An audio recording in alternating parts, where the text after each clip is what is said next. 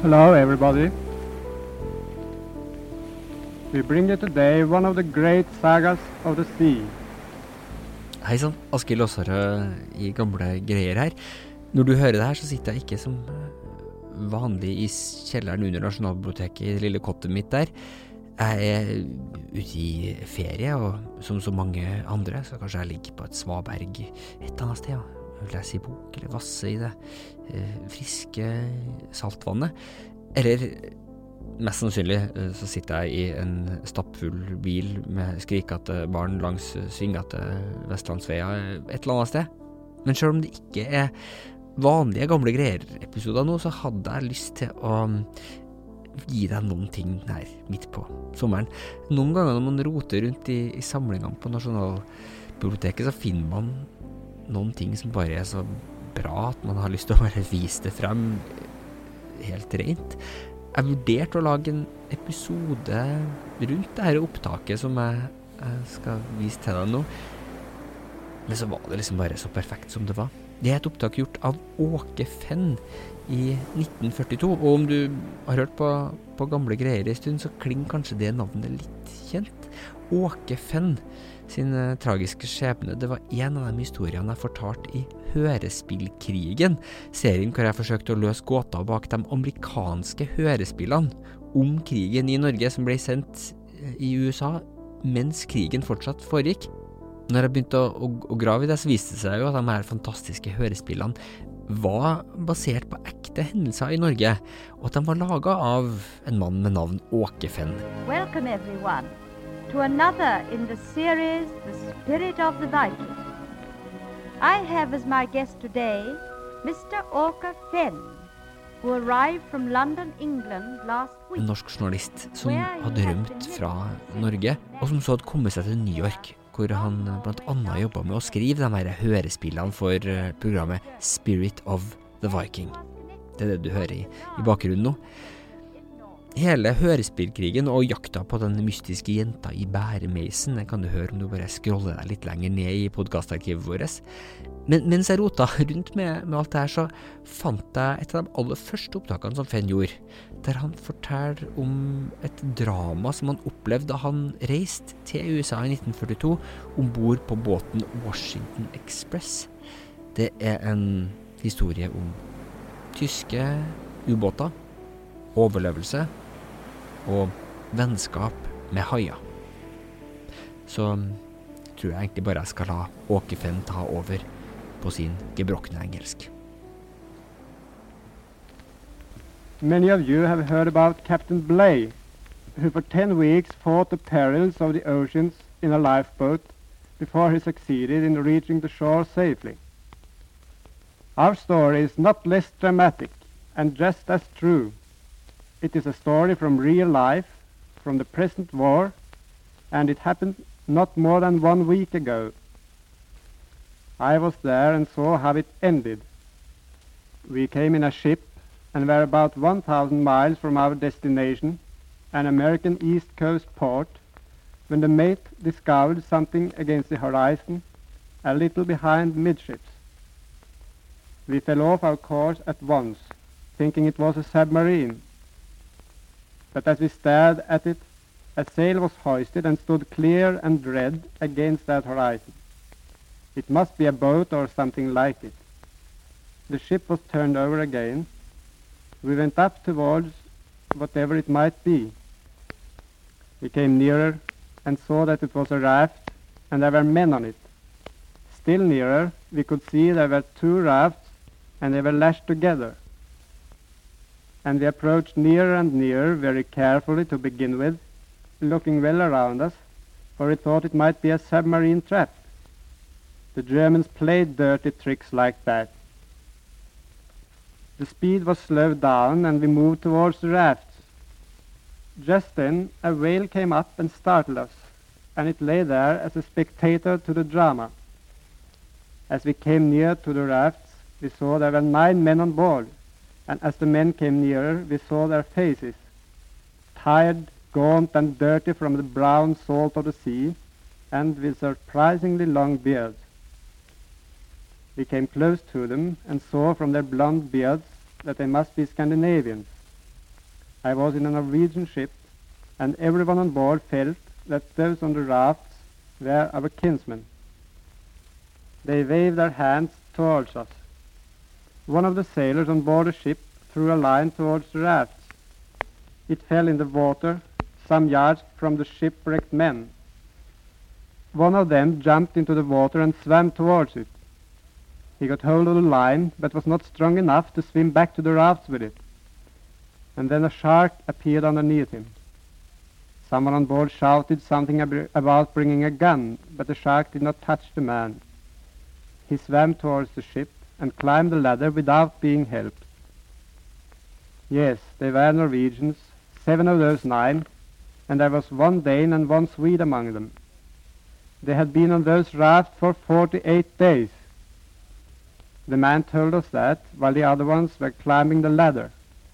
They were helped across the rail and staggered about on the deck. One of them could not, could not help crying. He was a young boy. They gave us who saw them a moving impression of what the sailors risked during this war. We got a sickening feeling of what dangers are luring for those who brave the submarines in order to bring war materials and other necessities across the oceans. And it gave us Norwegians a feeling of pride that so many of these men are our countrymen, and we were happy to have been ab- able to, to rescue them.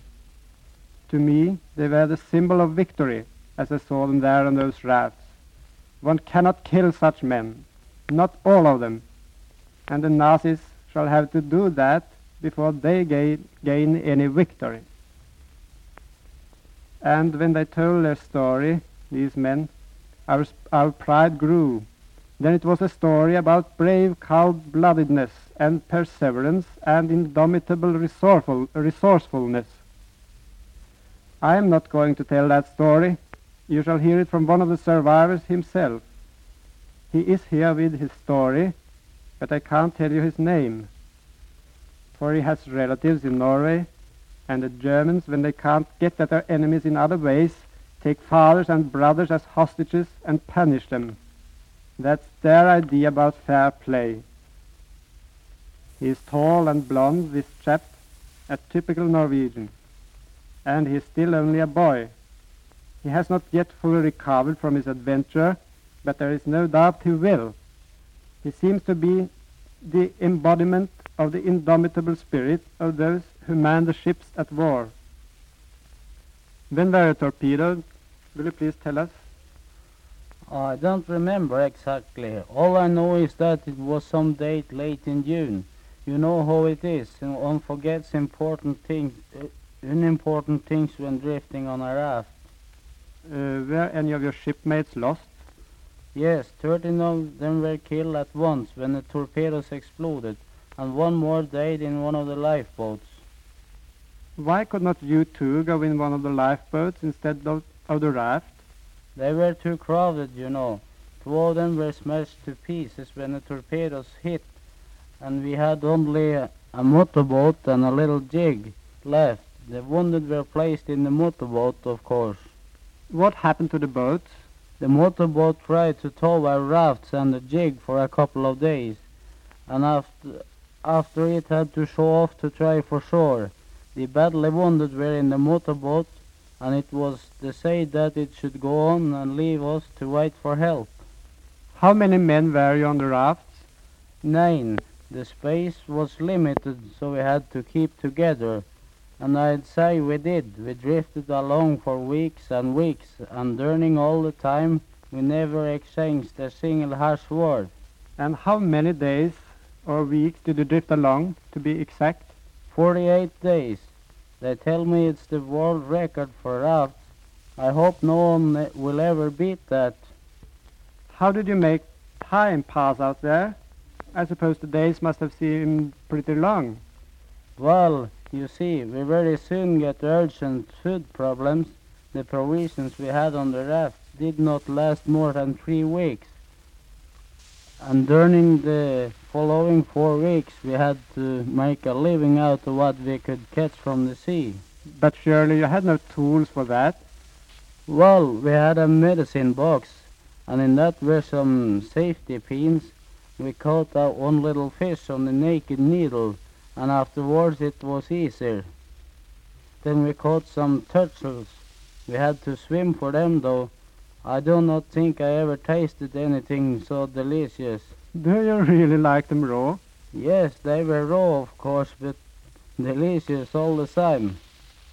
You forget your good manners after some weeks on a raft, I think. We drank the blood of the turtles too and used the shell to gather rainwater. Thirsty, I can imagine. Too thirsty to eat very often, but we did a good deal of swimming and that helped a lot. The body absorbed much water that way, and besides we keep nice and cold. But weren't there sharks in the water? Oh yes, but they did not touch us. We had a special good friend among them. He liked to be tickled behind his fins by our roars. so that was your daily routine. and I presume you kept a keen lookout all day long. Oh yes, we kept a 24-hour watch just as we are accustomed to. Three times before we were picked up, we saw ships pass us. How was that? Oh, what do you think? The first two of them never discovered us, but the third one passed very near us. When she discovered us, she fled in a hurry. Thought it was a submarine trap, I think. How about the weather? We had a couple of gales during those weeks. It was not easy to cling to the raft all the time, but we helped each other as much as possible, and the fine rubber shirts we had protected us from being wet and cold. How did you feel when this ship of ours came towards you? That was a strange story. One of the boys, I can't tell his name, thought he saw a ship, but uh, he did not say anything to us.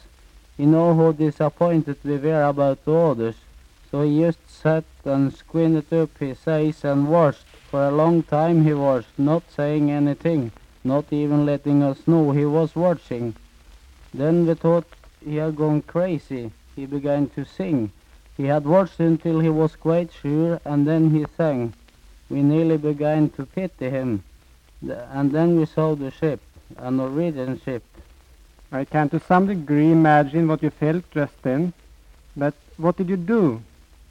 Well, we shouted a little, and then we raised the water keg and had a good drink. The rest of it you have seen yourself. Well, you have tried to reduce the adventure as much as you can. But I can see that you must have lost weight. How many pounds do you think? 58 pounds, pounds, but I shall regain that in a couple of weeks before I go to sea again. Before you go to sea again? Well, uh, you must sail, I guess. I know that it's your war effort, but it sounds so incredible. Anyway, you have deserved a good vacation, I dare say.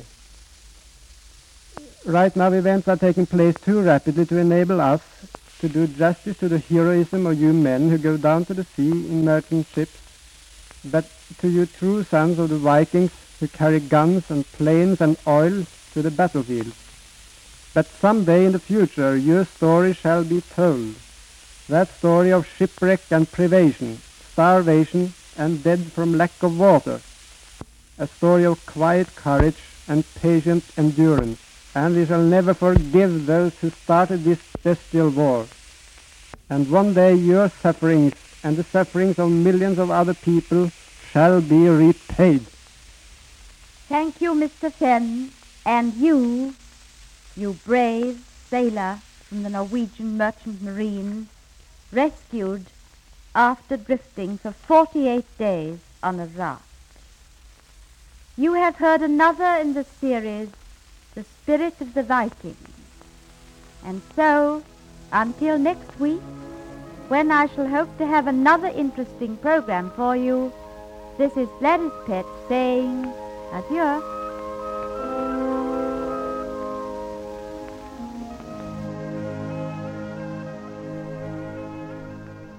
Den anonymiserte sjømannen som ble intervjua, han het i virkeligheten Kåre Kårstad.